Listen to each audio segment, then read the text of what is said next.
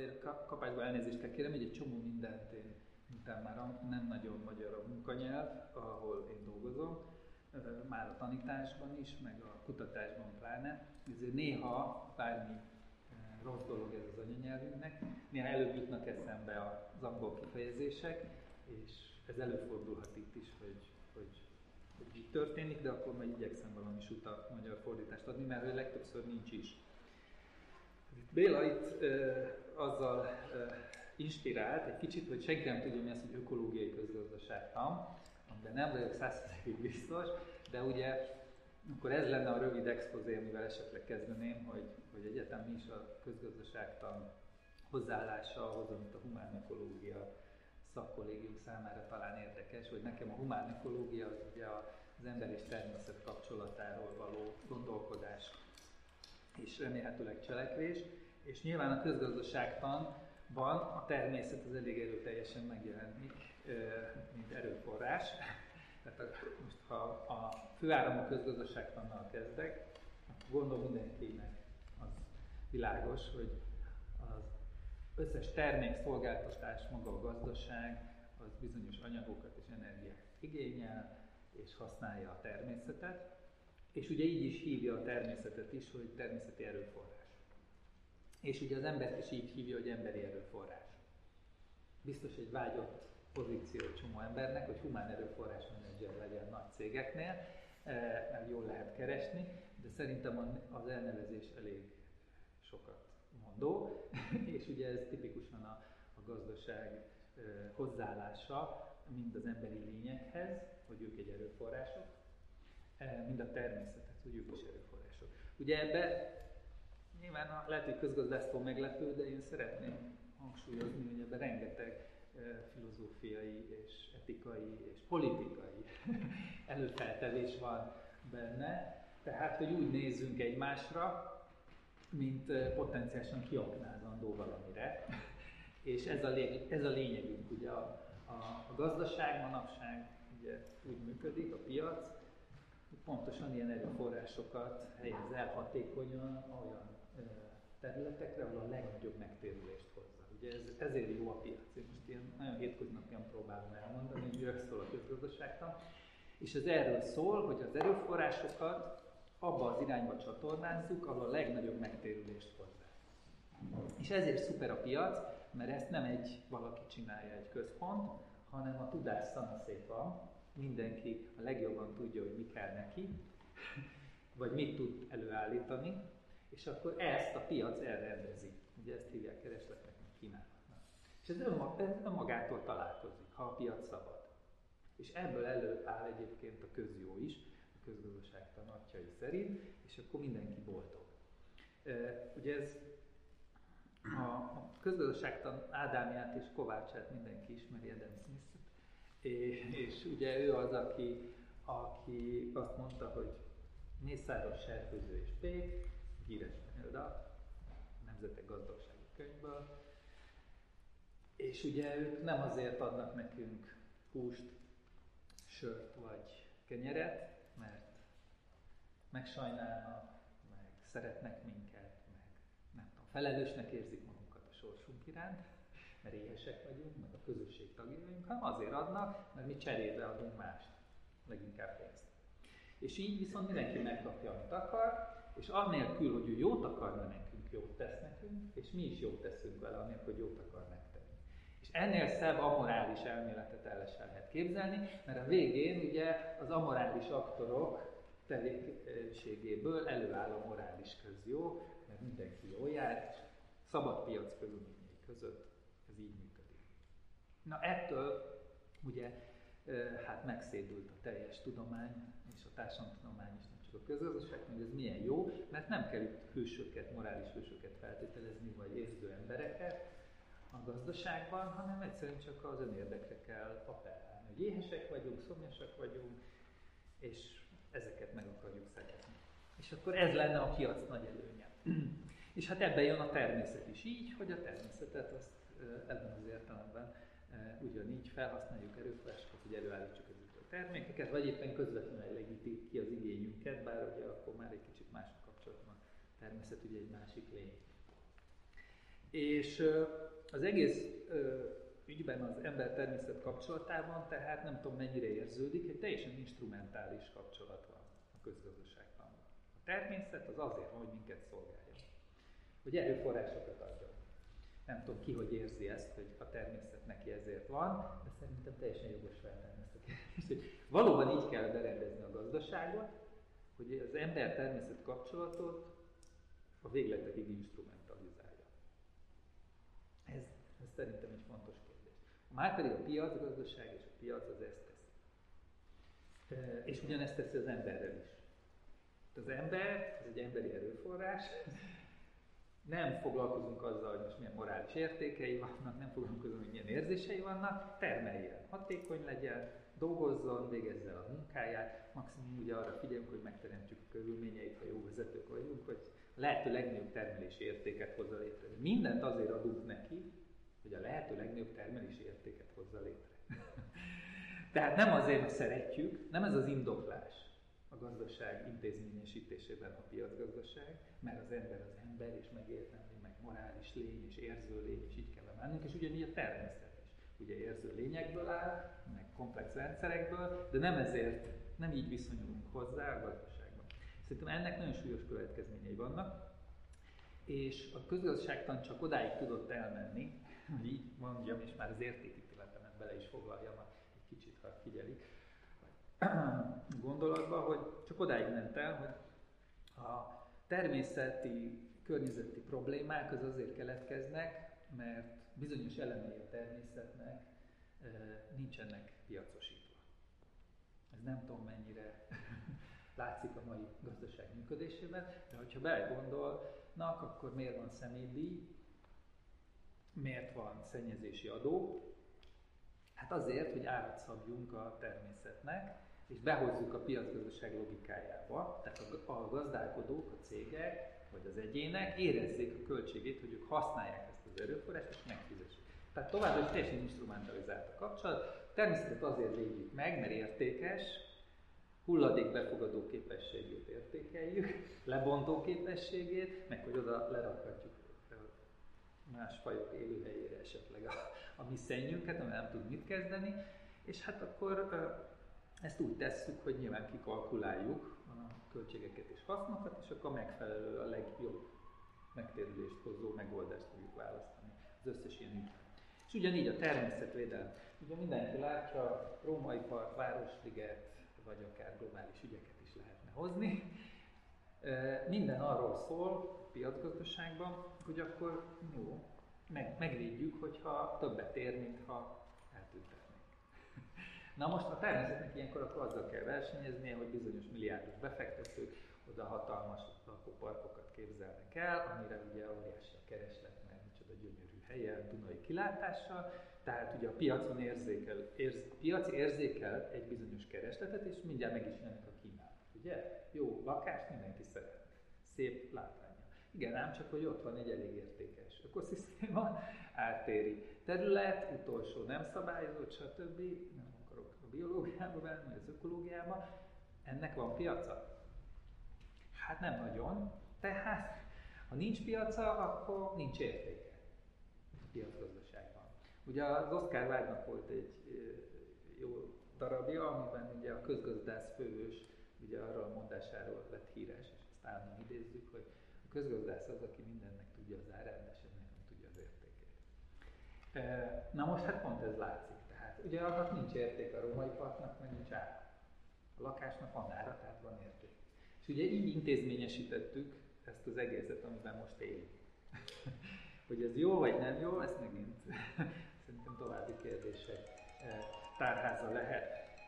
És akkor arról nem beszéltünk, hogy ez a, ez a hatékony allokáció, tehát magyarul a közgazdász teljesen nyugodt, ha a római partot szabályozzák, azért, hogy ne menjen ki a víz, ami természetes lenne, hogy fel lehessen építeni gazdag embereknek, hogy meg tudják fizetni a szuper luxus lakóparkot, mert ez megéri. Mert ugye óriási nő a GDP, ugye a legfőbb gazdasági mutatója a nemzetnek. Ha megmarad a római, nem érzékeli a GDP. Nem érzékeli a gazdasági miniszterünk, sem a főpolgármesterünk, tehát akkor itt nem történt növekedés Budapest értéké között. Így van most a világunk berendezve. Nyilván persze, hogyha most ö, lenne egy biológus, lehet, hogy van is, akkor azt tudná, hogy mit ér a római egy biológus szemével, de az nem piac. És ugye a piac gazdaságban, eh, ahogy mondtuk, aminek ára van, annak van értéke. Tehát itt ugye még egyet tehetne a, és hát jobb esetben tesz is ilyenkor egy döntéshozó, megkéri a közözdászokat, hogy valahogy tulajdonítsanak értéket a római partnak úgy, ahogy van. És akkor mit szoktak csinálni a közgazdászok? Szerintem nagyon érdekes a módszer, és érdemes elgondolkozni rajta, hogy milyen feltevések vannak mögött. Közgazdász kimegy, és kérdőjét oszt ki, és abban a kérdőjében nyilván szépen leírva, hogy akkor mi, mi és a római part, megkérdezi a ott használókat, hogy mennyit hajlandók fizetni azért, hogy a római part így maradjon.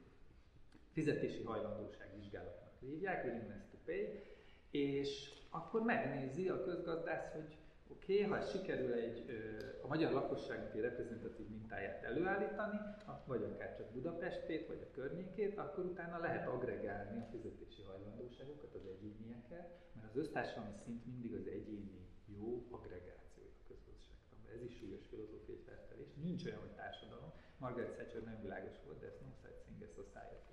Csak egyének vannak. A society egyének agregátuma matematikailag. Nincs ilyen, hogy önálló társadalom. Összeadjuk, és akkor ennyi. Annyit ér, amennyit hajlandók mi fizetni érte. Szintiszta piaci logika, és a döntéshozó ezt várja, Ronald Reagan be is vezette az összes ilyen szintű döntésnél, ki kell kalkulálni, költséghaszonelmzésnek hívják, a szövetségi beruházások ö, környezeti értékét is fel kell mérni, és akkor megmondják pénzben a közgazdászok, hogy ennyit ér, és hogyha többet ér a római az embereknek, tehát többet hajlandók fizetni, mint az ingatlan befektető, akkor megmarad a római. Ha az ingatlan befektetésért többet, akkor pusztul a római. Ez a logikája a mai társadalom. Nyilván ezeket a kérdéseket azért teszem fel, mert én arra szeretnék kiukadni, hogy ez így, így ahogy van, nem jó ember-természet kapcsolat, és nem jó ez a társadalmi berendezkedés, amiben, amit létrehoztuk.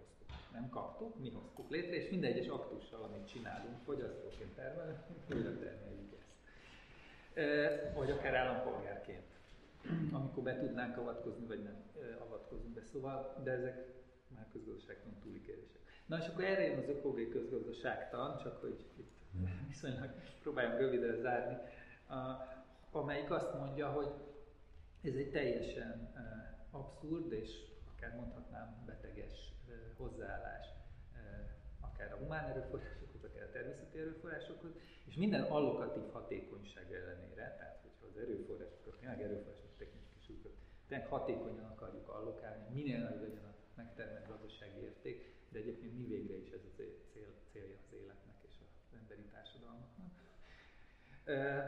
Akkor jó, akkor oké, okay, ha ez lenne, akkor oké, okay. de hát nem ez, és ráadásul a közösségtan azt is, most extremitásig visszük, ugye azt is elképzeli, hogy ha valaki kellő pénzt tenne le az összes korallzátonyért, és azt mondaná, hogy akkor ezt megveszem, akkor az az ő lehetne. Tehát ugye itt ez a logika is beépül, illetve hogyha azt mondja, hogy ő akkora értéket teremt azzal, ha elpusztítja az egészet, akkor elpusztíthatja, mert ugye megmutatja, hogy milyen piaci jólétet hoz nekünk fogyasztási javakban. És ugye ezt extremitásig lehet vinni, tehát a teljes földet és az összes fajt is kipusztíthatjuk, az utolsó egyedét is bármelyiknek, ha megéri. És így van. És a fizetési hajlandóság, ha alacsony, akkor, és magas ugye a lakásokért, meg az egyéb javakért, akkor pusztuljon. Na most nem tudom, hogy ez, ez így globálisan egy jó társadalom, meg egy jó emberiség, homo sapiens sapiens tényleg így kell, hogy működjön. Az okok között szerint nem. Azt mondják, hogy az egész tévedés ott van, hogy a közgazdaságtan azt feltételezi, hogy ezek az erőforrások, eszközök, és ugye a cél az pedig ez a materiális jólét, ami a fogyasztásban testesül meg, és e- ennek mindent alá lehet rendelni. De egyébként a klasszikus, az első közgazdászok nem voltak ilyen ostobák, az az érdekes, tehát Adam Smith is, meg John Stuart Mill is azt mondták, hogy csak azért kell most így eszközként használnunk egy ideig az embert és a természetet, hogy mindenkinek legyen elég a materiális javakból, legyen kellően jól táplált, legyen hajléka, és egyéb, legyen egészséges, egyéb materiális szükségleteknek eszünkbe jutnak hozzátehetjük, és amikor ezt elértük, hogy a Földön minden ember jól lakott, nem fázik, nem éhes, nem szomjas, van lakni hol, stb., akkor befejezhetjük ezt a gazdasági növekedést, ezt az eszközként kezelését az egésznek, és akkor egyébként a művészeteknek és a tudománynak szentelhetjük a hátralévő évei az összes ember, mert mindenkinek van elég. És ez nagyon érdekes, hogy ez egyébként totál kiveszett a nem a közösségtelen emberképp az, hogy nincs olyan, hogy elég, végtelen vágyaink vannak, azok csak egyéni, ugye, önző vágyak, és pont ezért is jó a piacgazdaság, mert ezt erre építve, intézményesítve a gazdaságot, a piacot, ezt tökéletesen ki tudjuk eléríteni. Az ökológiai közösségtan ott jön be, hogy azt mondja, hogy igen ám, de ha ez egy véges fizikai rendszer, ez a bioszféra, és ugye fizika alaptörvényei közül is párat komolyan veszünk, mint az entrópiát és másokat, akkor az entrópia törvénye, akkor, akkor ugye el kéne gondolkozni azon, hogy ez a fajta végtelen eszközként kezelésből adódó végtelen növekedési mánia, az, az ebben a véges rendszerben nem fog működni, illetve az a rendszer fog nekünk olyan jeleket küldeni, hogy hiába hallokáltuk mondjuk hatékony az erőforrás, tehát hatékony volt kipusztítani ezt a fajt, még egy faj kipusztítása, még egy faj kipusztítása, egyszer csak összeomlik az ökoszisztéma, és már nem tudja azt az erőforrás sem adni, amihez a növekedéshez kell. Szoktak ilyen vicces metaforákat használni a tudósok, és az egyik a szegecs húzogatók metafora, ez nem tudom, ismerőse valakinek, nem? Ez a metafora az, hogy megyünk egy repülőn, és képzeljük el a Földet. És ugye a repülőn azt látjuk, hogy az egyik utastársunk elkezdi kihúzogatni a repülőből a szegecseket.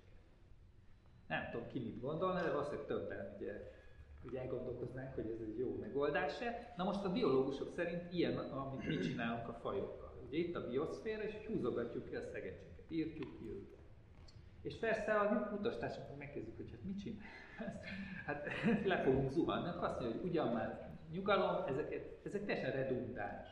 Ugye van egy szakkifejezés, a biológiai redundáns fajok, ezeket simán ki lehet venni, és akkor még a repülő szépen nyugodtan elmegy, mert van ott más bőven elég lesz, az is összetartja. Az én kazánomat is négy eh, szeg helyett kettővel. Eh, erősítette a mester, mert nem vettem észre, hogy itt megsporolt ezt. Elég lesz az, tartja az is. Hát ez a minimum, ami tartja, tehát egyet kiveszek, akkor már nem tartja, de, tehát, és akkor, de melyik az a szegecs? Amit kihúzva viszont, mégiscsak összeomlik a repülő. Hát ezt senki nem tudja. És ugye emiatt lehetnénk kellően idegesek, hogy húzogatjuk ki a fajokat a bioszféra nagy evolúciós könyvéből, és abszolút semmi tudásunk arról, vagy csak hát nagyon kezdetleges, hogy oké, okay, vannak olyan keystone fajok, kulcsfajok, kulcsfontos fajok, és vannak redundáns fajok, de igazából ez kontextusa váltja, hogy melyik redundáns és melyik kulcsfontosságú faj, egyik élőhelyen ez, másik az. Nyilván van rezilienciája, ellenálló képessége a természetnek, tehát húzogathatjuk ki, és még ettől nem omlik össze. De hát láttunk összeomlásokat, tehát akár azt is nevezhetjük, hogy a Duna az ugye valaha ivóvizet adott, valaha fürödni lehetett benne, esetleg most bizonyos szakaszain lehet fürdeni, de bele nem nagyon kortyolunk. E, pedig miért nem? Ugye az ingyen. tehát ugye egy csomó mindent adna, és egyébként meg ökológiai elég halott folyó, tehát egy csomó faj eltűnt belőle, lehet, hogy izgalmasabb lenne a Dunaparton sétálva No, az ökológiai közgazdaságtan azt mondja, hogy ez a fajta közgazdaságtani hozzáállás, ez hozzá, és az, hogy ezt intézményesítettük piacgazdaságban, ez a biztos útja, hogy ezzel az instrumentalizált szemlélettel természet irányában és ezzel a növekedés mániában kinyírjuk a bolygót és benne magunkat.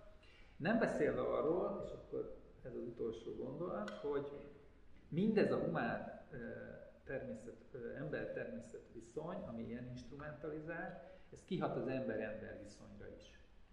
És, és azért is ilyen igazságtalanok a társadalmaink, tehát, hogy vannak a jobbodban élők, és vannak az extrém szegénységben élők. Tehát Adam Smith és John Smith álma nem valósult meg. Ha csak körbenézünk Budapesten, csomó embert látunk, aki abszolút megfosztott az alapszükségletektől. Miközben a világ emberiség történetében elképesztő mennyiségű vagyon van, és áru és szolgáltatás. Ez nem zavaró?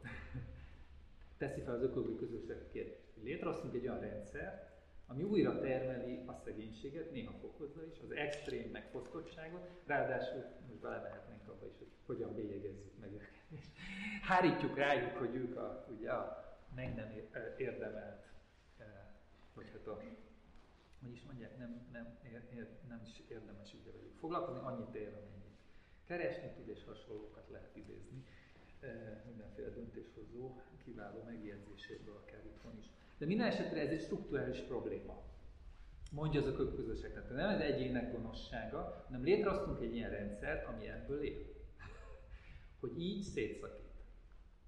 És hogyha az a víziónk, hogy szeretnénk egy olyan társadalmat és egy olyan ember természetviszont, ami nem ilyen, nem instrumentalizált, az életnek más, és az, a, tehát az élet, emberi életnek és az ember természetviszonynak más értelmet akar, akkor az nem a piacgazdaság, hogy ilyen és nem a piaci társadalom, amit létrehoztunk. Nekem az először eszembe, de már a tanárnak a beszéde elején is, és most nem, nem igazán a személyes véleményemet gondolom, csak a meglátást, szerintem nagyon sokan nincsenek tisztában azzal, és igazából nagyon kézzelfogható bizonyítók sincs arra, hogy a világ véges lenne. Mert hogy ez is egy, szerintem egy szubjektív dolog, mert lehet, egy, hogy egy olyan állapot felé haladunk, ami, ami csökkenő ö, értékrenddel bír, vagy, vagy rosszabb életkörülményekkel, de hogy igazából volt meg korábban is ilyen.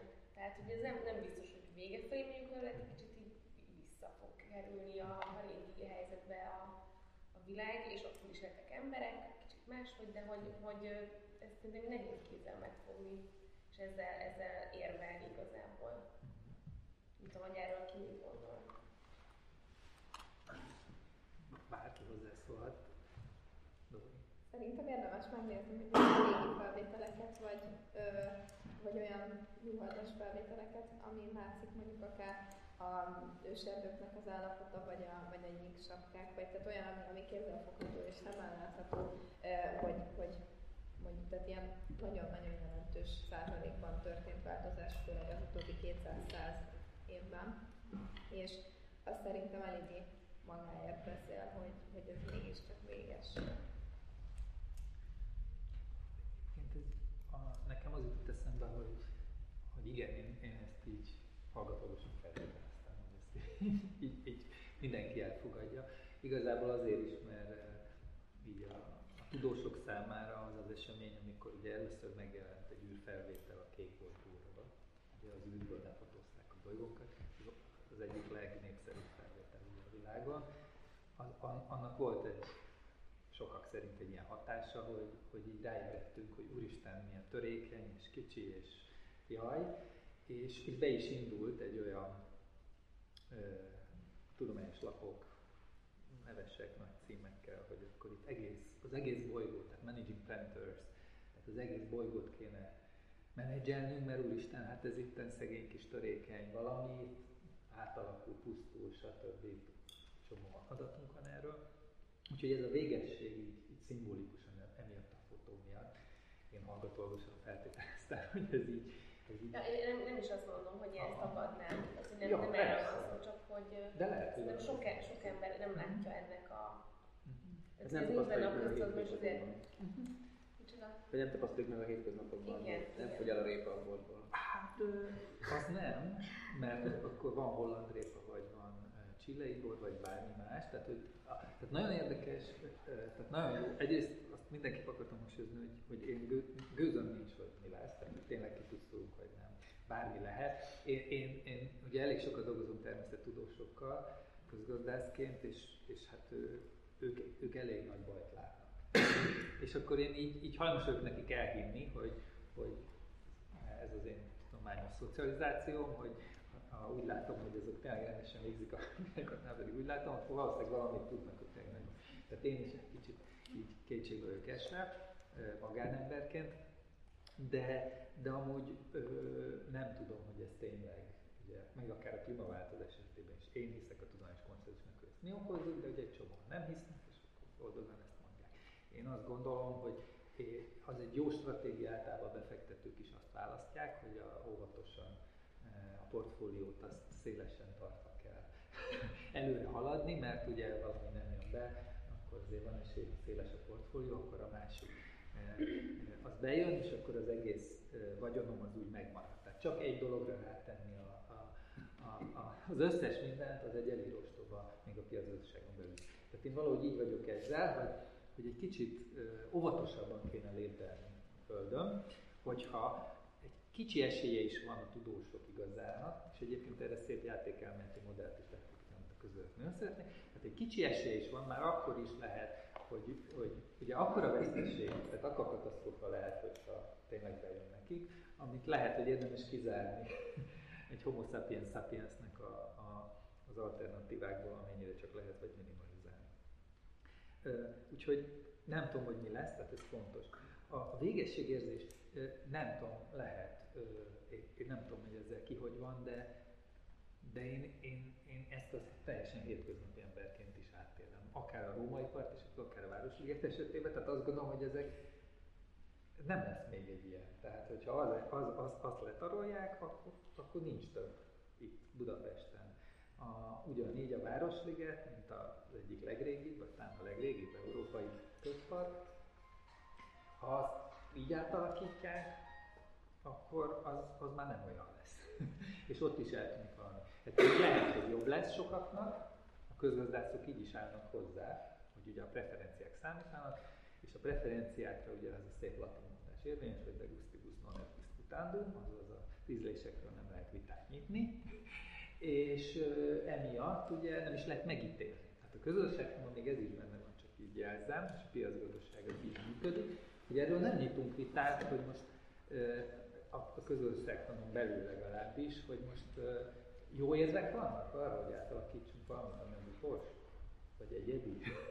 És egyébként nincs más, tehát nem helyettesíthető. Mik az érvek? E, hát ugye egy rendes közösségtani felmérés, amit a diákjaink a Korbuszon csináltunk a Városligetre, e, bár ugye az erőforrások, tehát nem egy rendes kutatás, csak egy kis felmérés, az azt mutatta, hogy ha, ha a fizetési hajlandóságot vizsgálnak, akkor se a, a, a jelen kormánynak az elképzelését támogatnák a lakosok. Ettől függetlenül ugye teljesen elszakad a döntéshozatal a közösségi racionalitástól is, tehát egy kicsit súlyos a helyzet, mert még csak a közösségi racionalitás fog, követi, és akkor legalább érvelne.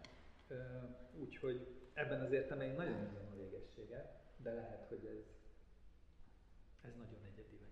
Én éreztem a végességét annak, amikor a gyerekkori kertet, ahol felnőttem és játszottam, azt ledózerolják, és egy ház épül helyére. Akkor úgy éreztem, hogy valamit kitöröltek a, belőlem, e, és ilyen értelemben ugye ez is egy másik ember természet kapucs, ami, ami valószínűleg sokunkban benne van, hogy vannak olyan elemek, amik az identitásunk része. Ugye a Karácsony Gábor híres arról, hogy ő a Duna mozgalomba azért kezdett bele, mert mondta, hogy ha bántják a Dunát, az olyan, mintha őt bántanák, mert ő ott nevez, és amikor evez rajta, akkor egy, egyé válik a folyó. Ő érzi a folyó. Most nagyon extrémnek tűnik, de hát hány kultúra van még ma is, aki ugye így áll természethez. Tehát ők nagyon érzik a végességet. Ahol a zöld hagyják álmodnak, Werner Herzog filmje meg lehet nézni, Ausztrália, ugye, vagy egyéb ö, filmnek, ugye most is volt valami díjnyertes, jutni a címe, ami így az antropológus és a sámán találkozása. Az, az a, Láttam. Valaminek a ölelése. Kígyóölelése, ez az. Az is egy nagyon filozofikus film. Tehát úgyhogy el akarunk gondolkodni, a mi társadalmunk, illetve más társadalom, a mi társadalmunk, én piaci társadalomnak nevezem, piacgazdaság szépen átadja a társadalom minden szféráját, piaci logika, ezt Polányi Károlytól világhíres gazdaságtörténész és gazdaságantropológus volt. Az meg ugye egy másik társadalmi logika, amit a sámán más ember-természet viszony. És egyébként hoztam provokatív könyvet bizonyos értelemben. Az egyik a Stone Age Economics, kőkorszaki közgazdaságtan, a másik pedig a Limited Wants and, Unlimited Means, ami ugye a korlátozott igények és korlátlan eszközök. És mind a kettő a vadászhalász gyűjtögető emberről szól. és, és antropológiai könyvek, ugye, de tele gazdas közösségek. És az az érdekes, hogy az Original Affluent Society, tehát az eredeti jólét társadalma, Marshall Salim szerint az a vadászhalász gyűjtögető. És nem a mi. és azért mondja, mert hogy hát egy csomó bizonyíték van rá, de ha egy ilyen filmet megnézzünk, akkor szintén láthatjuk, hogy, hogy, hogy a vágyaik végesek, és ahhoz képest az eszközeik meg végtelenek. Rengeteg növényehető, rengeteg állatvadászható, de nincs tárgyra, tehát a teljesen más a jólét mutató. És ugye ez azért provokatív, mert most akkor ugye hú, menjünk vissza a barlangba, a szokásos zöld, radikális zöld duma, ugye vadászház gyűjtögető, az persze jó volt, és ez nem. De nem, hanem ha ugye mi tényleg egy learning society lennénk, a tudástársadalom, mint az európai, akkor mondjuk esetleg tanulnánk a, a, nem, a múlt tapasztalataiból, bár ugye Sting is azt énekelte, hogy a nekünk, és nagyon úgy tűnik, hogy mintha az emberiség állandóan belesne a csapdákba.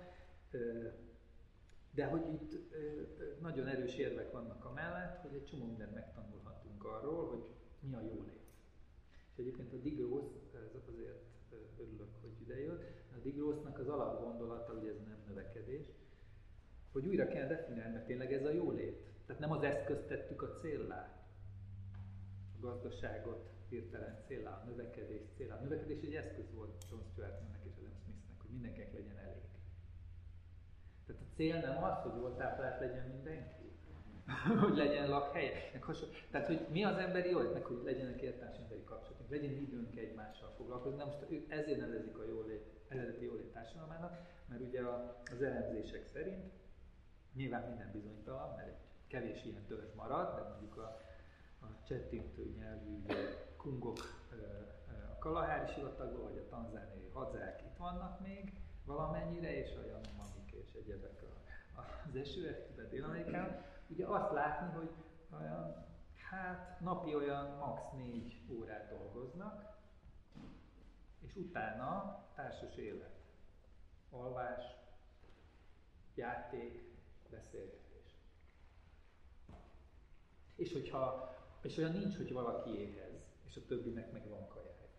Ha nem, akkor vagy mindenki éhez, vagy, vagy mindenkinek van kajája. Ugyanígy a tudás, az nem privatizált, szellemi tulajdonokokkal körülbástyázott, hanem ugye mindenki megtanulja, hogy felnő, hogy hogy kell ruhát készíteni, azt a fazekat elkészíteni, vadászni, vagy halászni, vagy gyűjtögetni. Gender equality, nemek egyenlősége, a legfőbb táplálék szerzők a nők és nem a férfiak, gyűjtögetés sokkal biztosabb táplálékforrás, mint a kockázatos vadászat. Az egész társadalomban ezért egyébként sokkal erősebb az egyenlőség. Csomó esetben nincsenek főnökök. Tehát egy nagyon érdekes.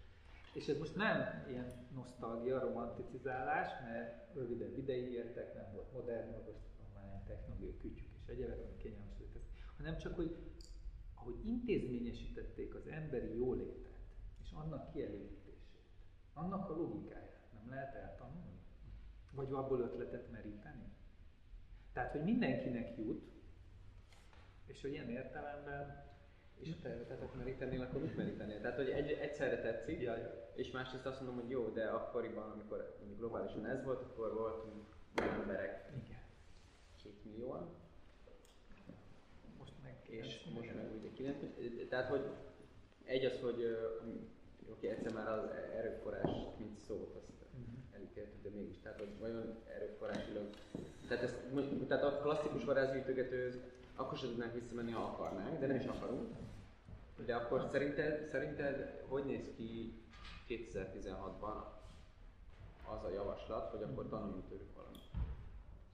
Hát szerintem úgy néz ki, hogy egyrészt mi a jólét, és sőt itt ugye jól létet, ugye ez a welfare well játék az angolban. Jól kijön, a magyarban nem túl jó, ez a jó lét, jól lét, jó élet, nem tudom, lehet, hogy ez jobban hangzik magyarul, de hogy ugye a szakirodalomban ezt játszák, mert a jólét az nagyon a materiális konnotációjú lett, és akkor jó, tehát nem, nem azt kell nekünk, nem, hogy, tehát ez a kérdés merül fel, tehát ugye ezt kéne feltenni, mi kell az embernek, hogy jó életet éljen. És akkor hát itt a tudomány és a tapasztalat ö, rengeteg tanácsot ad, mert ugye azt szerint ugye párat felsorolok, amit én megtanultam, vagy ahogy én fogalmazom, nyilván valamilyen szintű fogyasztás kell, meg kell táplálkoznom, hogy jól táplált legyek, kell, hogy legyen hajlékom, ruházatom, ami egyébként különböző a kultúrák, meg az éghajlat szerint is. Adam Smith is tudta, tehát lehet, hogy kevesebb ruhára van szükségem egy melegebb végebben, most itt, itt, itt nálunk többre. Alkotó munka. Tehát itt az alkotón nagy hangsúly. Tartalmas emberi kapcsolatok, ahol ugye szeretetet kapok, szeretetet adok, és az érzelmi intelligenciám alakul, meg ezeket a képességeket fejleszthetem, élhetem. Kapcsolat a természettel. Tehát ugye az Eric Frommnak a Having or Being, birtokolni vagy rétezni, stb. más könyvek, pszichológia, szociálpszichológia, mind mondják, hogy a munka, és nagyon érdekes, egyszer volt is egy ilyen vitám, hogy a munka a közgazdaságtan az negatív hasznosság. És egyébként, ha megnézzük a mai társadalmat, egy csomó embernek valóban az, nekem egy csomó évfolyamtársam van, aki úgy dolgozik, hogy bemegy, és úgy is beszél róla, hogy hú, felállt, ahogy feláll, és akkor kimegy, és el is fel akarja felejteni. tehát, tehát az élete nagy részét valami olyannal tölti, amiről beszélni sem akar, ami neki egy pénzszerzés csak. Én szerintem ezt nagyon sok embernek így intézményesítettük a világban, nincs is esélye másra. Én szerintem ez romboló, és ez fenntarthatatlan, ökológiailag is. Mert egyébként, ha ilyet intézményesítünk, akkor bármit megcsinálunk. Szinte. Szóval azt kell, hogy mondja, és akkor itt még a társadalmi következményét is hozhatnánk. Tehát én azt gondolom, hogy ha nem érezzük a, az alkotót, és akkor most nagyon absztrakt vagyok, de én újra definiálnám ezt, hogy akkor akár Magyarországon is, akkor oké, okay, és akkor ebből következik, hogy nem GDP-vel mérjük a jólétet, és nem az, az alapján rangsoljuk az országokat, vagy nézi a gazdasági miniszter, hogy most jól alakultunk, vagy nem, vagy a piacok.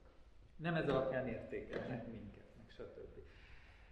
Hát valahogy ki kellene ebből lépni, és akkor ugye ebből azt következik, hogy akkor át kell alakítani az intézményrendszert, és ez olyan radikális is lenne akár, hogy akkor biztos, hogy úgy, úgy olyan gazdasági jogrendszer kell, ami azt intézményesíti, hogy és olyan, piac, olyan pénzügyi piacrendszer engedett felnőni, ami ugye azt intézményesíti, hogyha ha nincs megfelelő növekedési potenciál egy cégben, akkor nem tud ugye tőkét bevonni, növekedni, és tesznek a részvények, ki kell rúgni az embereket, bizonyítani, hogy költségcsökkentünk, és akkor növekedési potenciál. Tehát nem tudom mennyire érthető, de az egész rendszert úgy intézményesítettük, tehát ez nem egy, ez a mi közös kreálványunk, és minden egyes esetben bizonyos, vannak felelősségbeli különbségek nyilván, de minden egyes esetben, amikor ebben részt veszünk, akkor ugye újra is kreáljuk. Tehát valahogy egy olyan intézményi struktúrát kéne létrehozni, ami teljesen más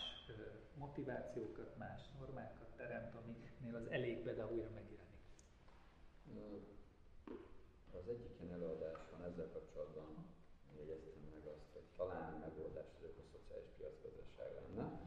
Erre Lányja úgy leoltott, mint a fic, hogy ezt csináltuk az elmúlt 60 évben, és látszik, hogy nem jött be, de szerintem minden tiszteltem az övé, de nem érti, hogy maga az ökoszociális piacgazdaság elve az miről szól. Ezzel foglalkoznak többen, mm-hmm. többek között közgazdászok, eh, ami egy oximoron maga módján, de a lényeg az, hogy pont ezt szabná meg, hogy hogy lehetne ezt megoldani. De egyetlen apró, icipici probléma az egészek kapcsolatban az, hogy az ember utoljára akkor élt fenntartható módon itt ezen a világon, amikor a környezetével szimbiózisban bírt élni. Onnantól kezdve, hogy ez már nem volt így, már csak a környezeti értékeinket, a környezetünk forrásait értjük föl, és manapság már olyan szinten éljük föl, hogy ez már nem fenntartható.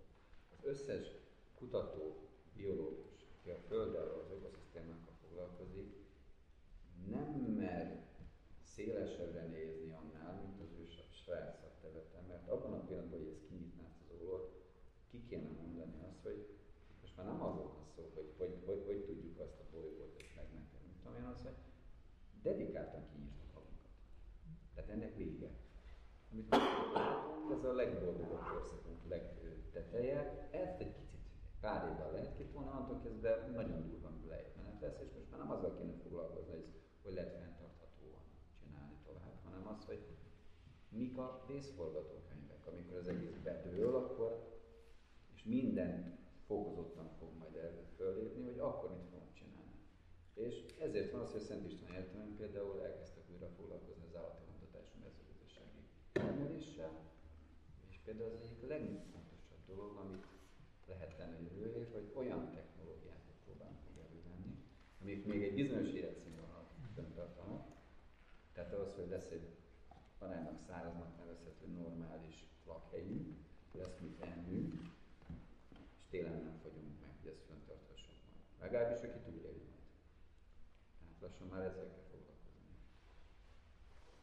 Vagy, ha drága nyugodtan Nem, nem, nem. Jó.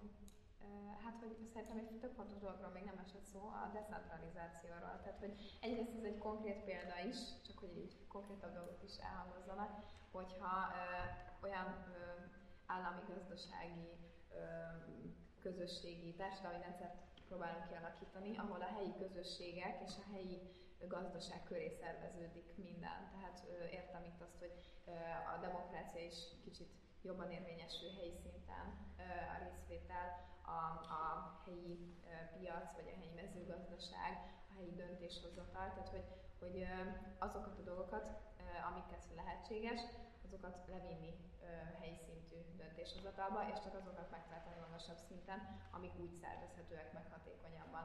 Tehát, hogy szerintem ez egy fontos, és ez egy példa is végül szerintem a, a nem növekedés, hogy mi, mi hogyan képzeli el.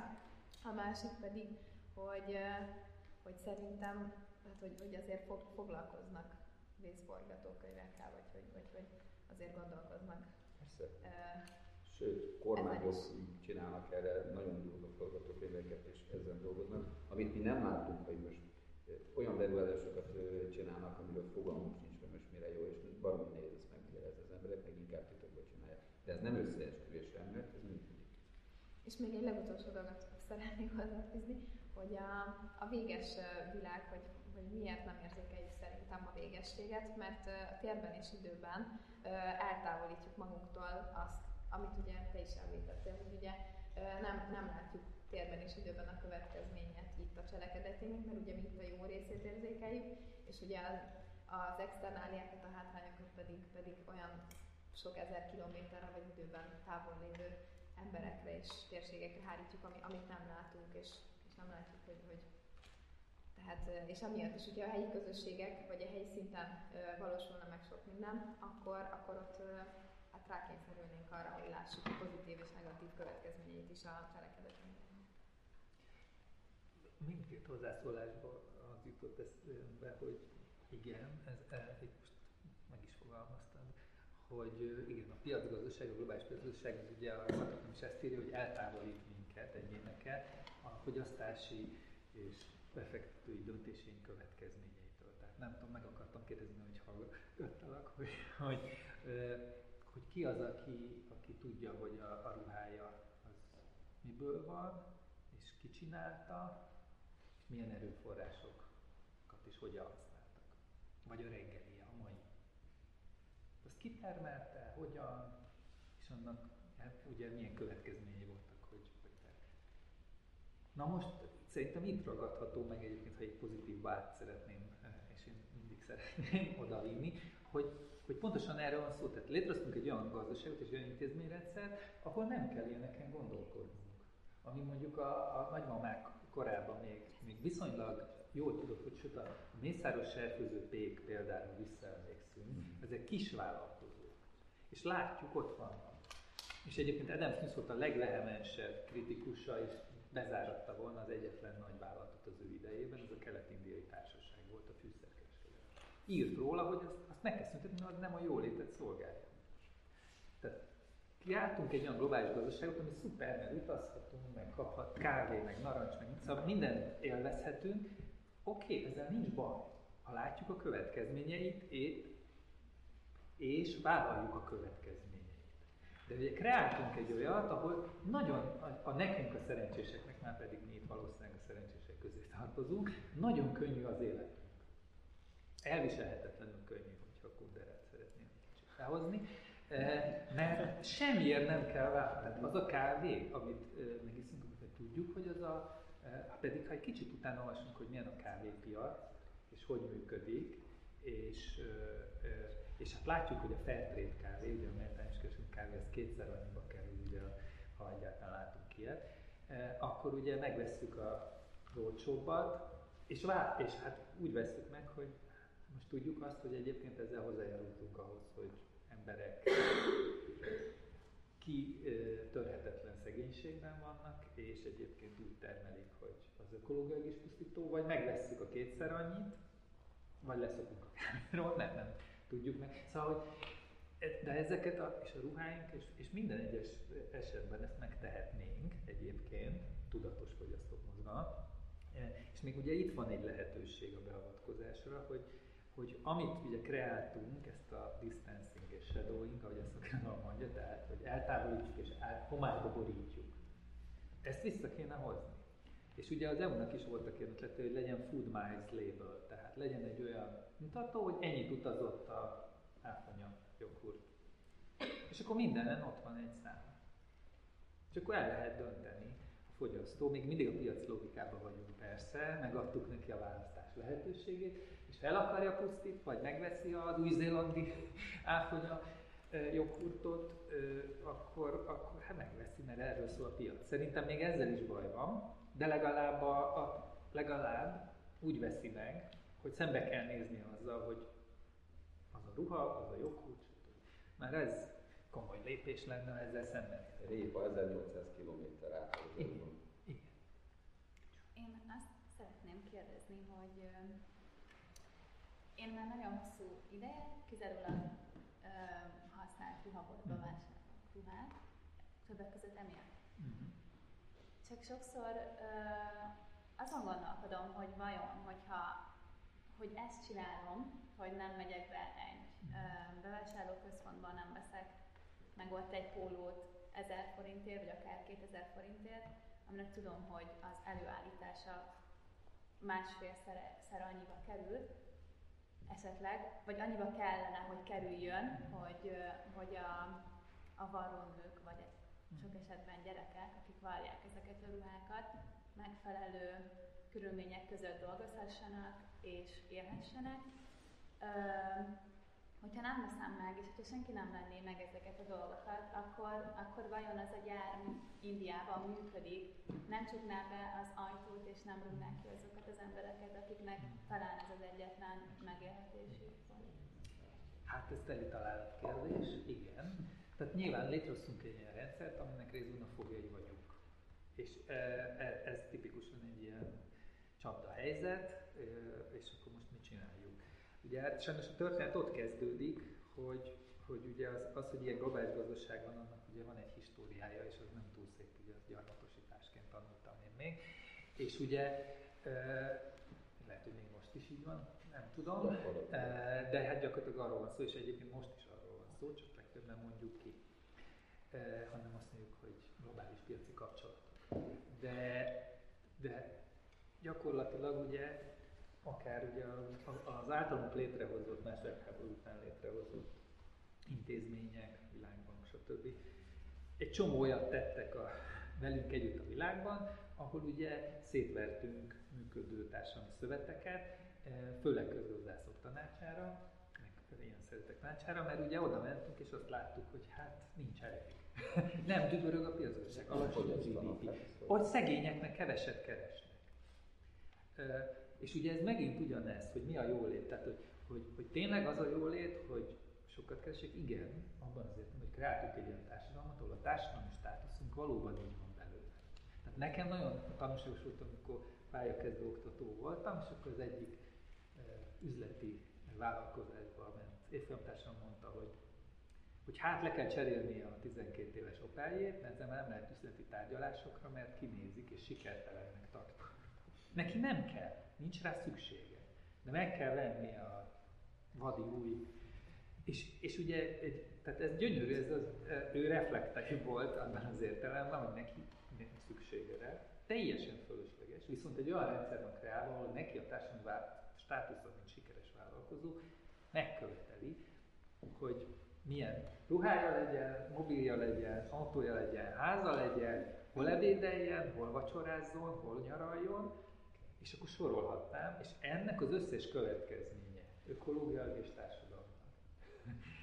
és ez egyébként egyéni választás is, hogy ezzel megyünk, és persze ugyanakkor meg fogja is vagyunk, mert ha nem megyünk, akkor meg vagy vállaljuk, hogy sikertelenek vagyunk, vagy furák vagyunk, valami baj van vele, de szüleink is zavarba jönnek, hogy úristen, hát, hát nem csinálsz karriert, hát mi lesz így?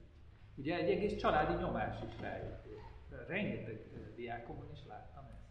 Tehát most visszatérve, kreáltunk egy olyan helyzetet ott, ahol lehet, hogy igen, ez az utolsó esélye, és még az is jobb a gyereknek, különben utcán lenne, és nem az iskolában, hogyha a gyárban van, de az a gyár olyan, hogy mégiscsak.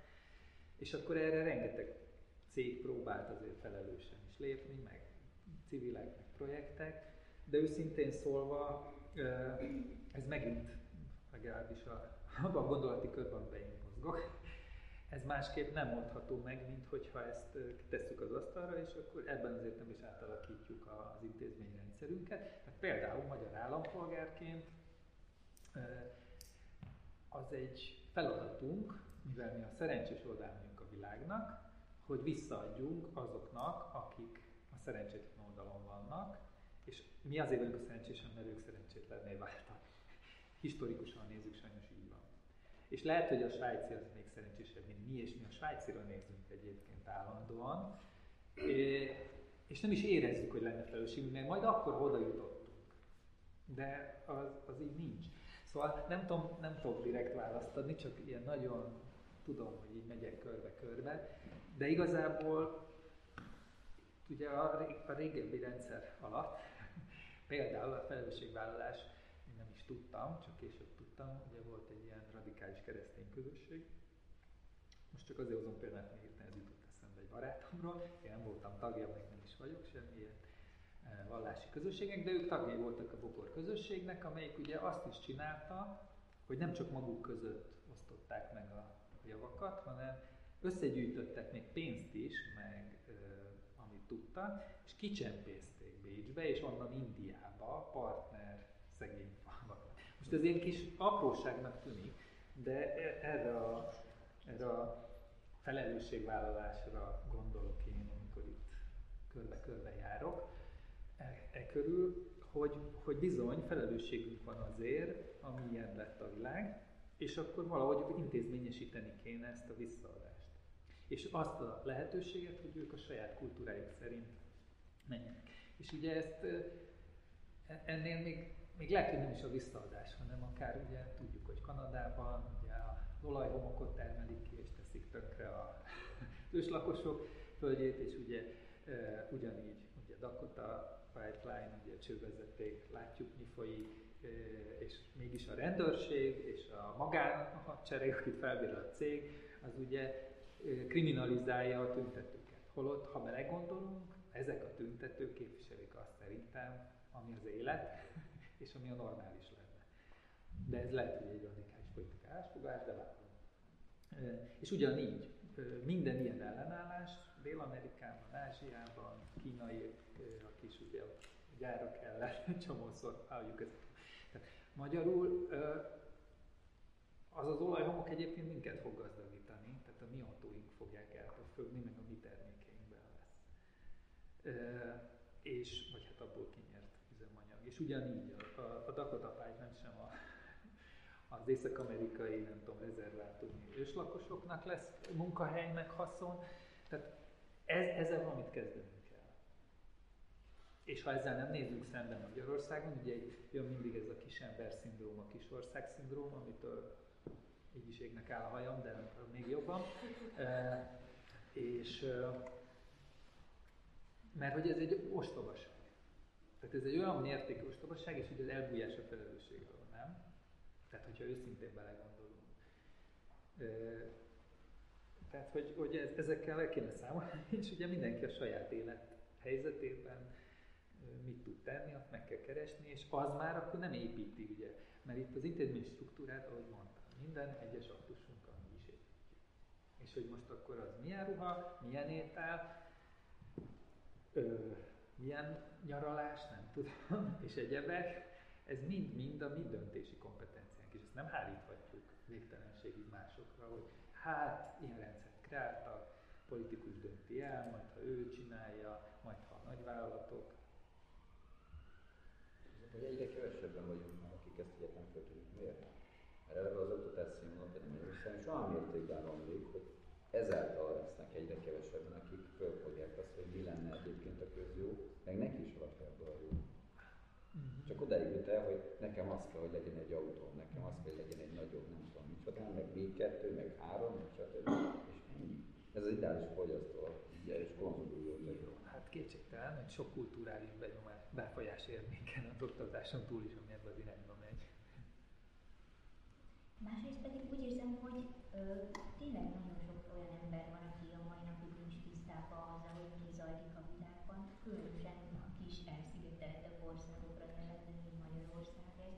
Például hétfőtől mai napig zajlott a budapesti vízvilág találkozó, a sajtóban lehetett látni egy-két ismertetőt, a köztársasági elnök beszédének rövid összefoglalását, de azon kívül egyáltalán nem volt semmilyen reakció vagy véleménycím ezzel kapcsolatban, ami szerintem azt mondja, hogy a legtöbb ember, aki egyáltalán tudott róla, hogy ezt itt rendezték meg, csak úgy érzékelte, mint hogy összeomlott a közlekedés Budán, nem a Mamuthoz, még kevésbé sikerült megvenni azt a cikket, amire szüksége lett volna a bevásárlóközpontban, de igazából senki nem érdekel a probléma, illetve talán túlzás, hogy senki, de nagyon keveseket.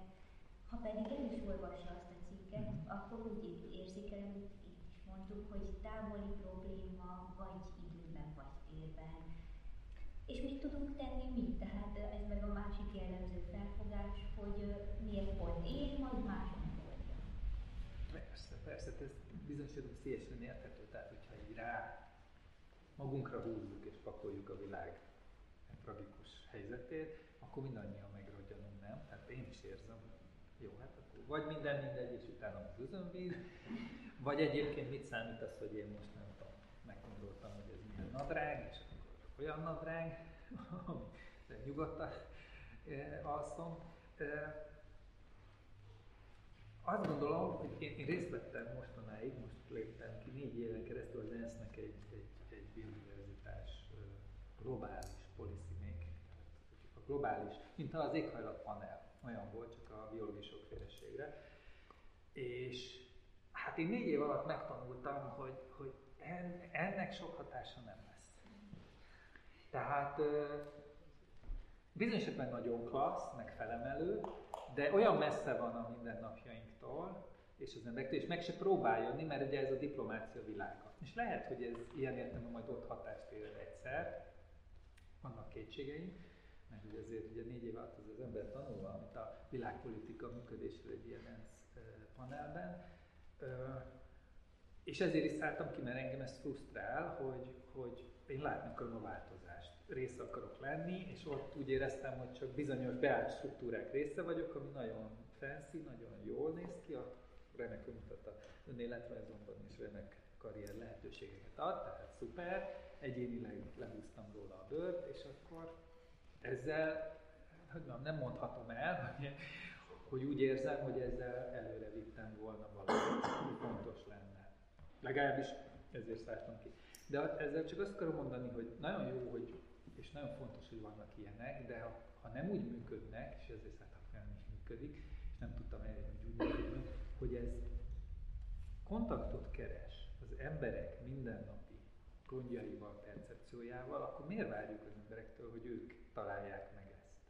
Tehát én itt érzek egy nagy fölséget, úgymond, akkor az elitnek, vagy aki benne van ezekben, hogy Hát ott jó benne lenni, mert ugye egyébként körbeutazzuk vele a Földet, és akkor ezzel is remek hatást gyakorolunk, és nagyon jól mutat, és már van, aki 30 éve ezt csinálja, ez az egész élete, és még mindig csökken a biológiai sokféleség, én már biztos a helyében megőrültem volna, de ő bírja, mert hisz benne, nem tudom, hogy hogy, de, de hogy, hogy én nekem kell, hogy lássam, és, és, és ezt kell megteremteni. Tehát én azt gondolom, hogy ez a, a bármilyen kezdeményezésnek meg el kell jutni ahhoz, az, azon a módon, azon a nyelven, és azokat a kérdéseket kell érinteni.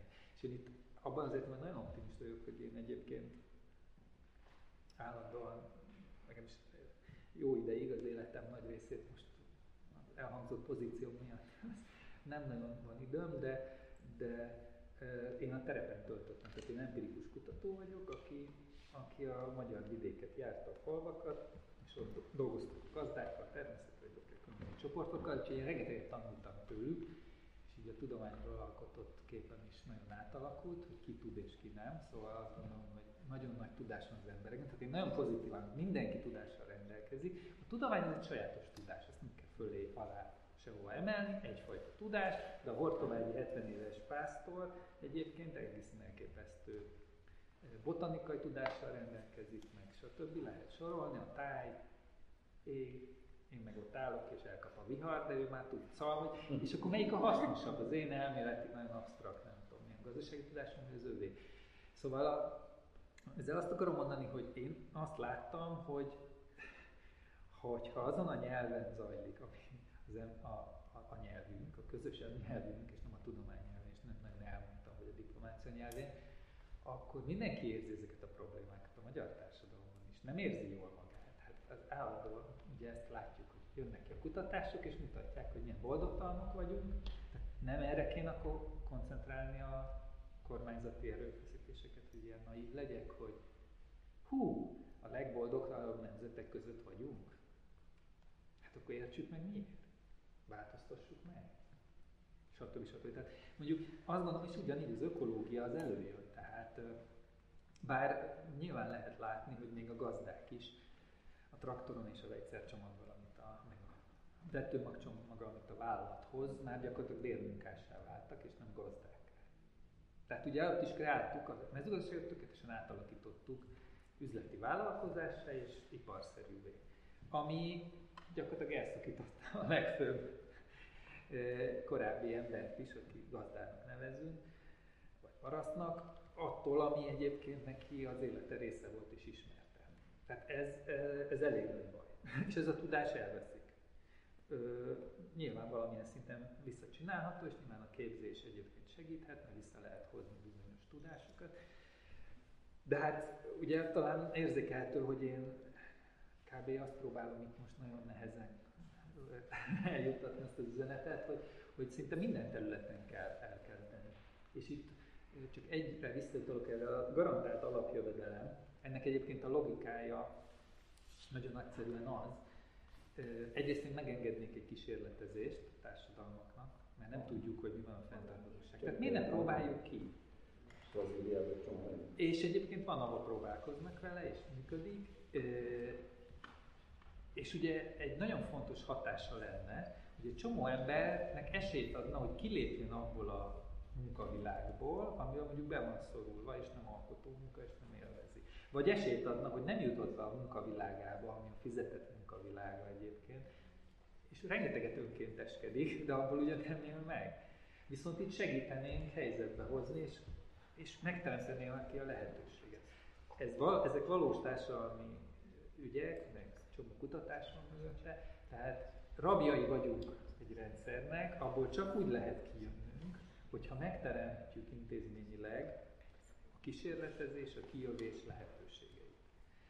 Tehát nem várható el senkitől, vagy nekem is én nem várom el, hogy ébredjen rá, hogy magától, az oktatás hatására, ugye ezért nagyon tanítok már, mert nem hiszek benne, hogy az oktatás, majd, majd ha megvilágosod, mindig ezt hallottam a természetű barátaitól, majd az emberek tudatossá válni. Az emberek nem válnak tudatossá csak úgy, hogy ez nagyon ritka, hogy nem tudom, valami élmény hatására katarzis, és nem tudom, olvastunk egy könyvet, láttunk egy filmet, és nem, az intézmények kondicionálnak minket, és ezekben az intézményeket persze mi kreáljuk, tehát ez egy ilyen oda-vissza kapcsolat. Tehát van felelősségünk, de, de, de nem várható, hogy, hogy hősként nem tudom, neki roncsunk mindennek, és felrúgjuk, és, és itt akár ugye a családunk is, meg minden, az egész.